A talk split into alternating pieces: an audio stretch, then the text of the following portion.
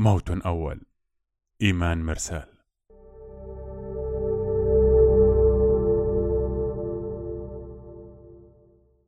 حملت جدتي بهدوء أخي الصغير محمد. وغطت شعرها بقماش زاهي اللون. كانت أمي تنوي تفصيله لنفسها بعد الولادة. مشت في جنازة ابنتها صامتة. جامدة.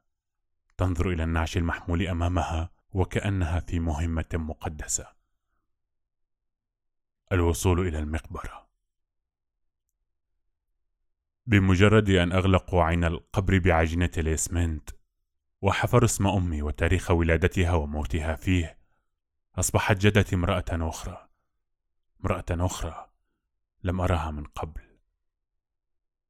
بدأت السيدة القوية المسيطرة صاحبة الحضور الذي لا يخلو من تعال تلطخ وجهها بالطين وتشق الجلباب عن صدرها وتضرب بكل ما تملك من قوة على ثدييها العاريين.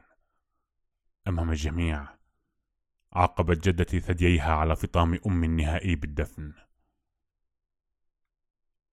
عاشت جدتي بعدها قرابة العشرين عاما. لم تخلع السواد قط ولم تفرح مرة واحدة دون أن تشعر على الفور بالذنب. كان غضبها يشتعل عندما يقول لها أحدهم إن الموت حق أو أنه لا فرار منه. لم يقربها موت أمها من الإيمان بالقدر. على العكس جعلها تتساءل ربما للمرة الأولى عن جدوى الحياة نفسها إذا كانت تحمل كل هذه الآلام. كان الموت عند جدتي طائرا جارحا وليس ملاكا. يخطف ولا يقبض. يختار بغباء ولا يمكن أن يكون مجرد رسول يقوم بمهمة توصيل الأمانة. لقد مات لجدتي أحباب آخرون من قبل على الأقل والدها ووالدتها. ولكن ظل موت أمي وكأنه الموت الأول لها. الموت الأول لكائن خرج من رحمها ومن المفترض ألا يموت قبلها. هناك موت أول في حياة كل منا كما يقول داريدا يكون علينا أن نتدرب على الفقد بسببه. نستعيده في الذاكرة حتى لا يختفي. ننقذه من آخريته التي أصبحت عدما.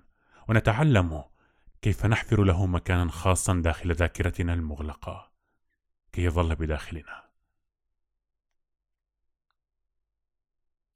قبل موت أمي كان يمكن لجدتي أن تغضب إذا كان ملح الطعام أقل مما يجب أو إذا لم تزرها قريبة عندما تمرض أو إذا لم يرد عليها جدي باهتمام. كانت لا تخرج من البيت إلا بكامل زينتها بالكحل والأساور والخلخال في القدم اليسرى. تركت جدتي مكانتها في البيت والحياة عن طيب خاطر. أصبحت مسكونة بحسرة وغضب وإحساس مهول بالذنب. تعددت الأسباب التي ترويها جدتي يوما بعد يوم لتكبر شجرة الذنب. مثلا كيف شجعت ابنتها على الإنجاب مرة أخرى؟ ولماذا رافقتها إلى الدكتورة سامية رغم أنها تتشائم منها وليس للدكتور وديع صاحب الوجه السمح ولماذا عملت بنصيحة الطبيبة فلم تعطها ماء لتشرب وهي في الحمى؟ ولماذا؟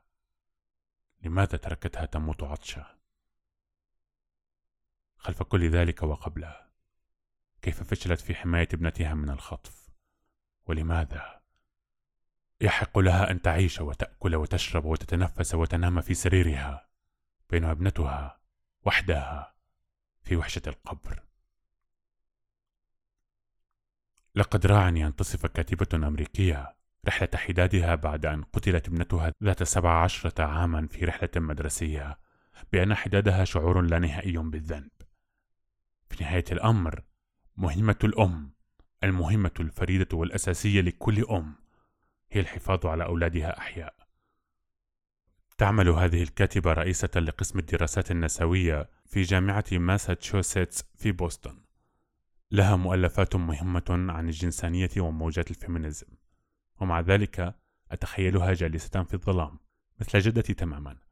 تعاقب نفسها كيف تركت ابنتها تذهب في رحلة مدرسية.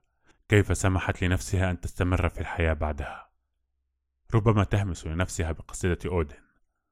أوقف الساعات. تماما. مثلما كانت جدتي تعدد بجانبي. بينما أستسلم للنوم. في الاستغماية يفقد اللاعب بصره ويكون عليه أن يمسك الأجساد الهريبة منه بتعقب حركتها أو بشم رائحتها. عندما تخفي الأم وجهها خلف إشاربها البيتي تتخلق تلك اللحظة المرعبة في ذهن الطفل بأنه فقدها إلى الأبد. ولكن لحسن الحظ عادة ما تكشف الأم وجهها سريعا وعادة ما يضحك الطفل بصوت أعلى كلما تكرر الرعب. أنا لم أفعل ذلك مع عيالي قط. ربما ربما لأنني عندما ماتت أمي كنت ما زلت أحب هذه اللعبة وظللت أنتظر وجهها أن يظهر لي.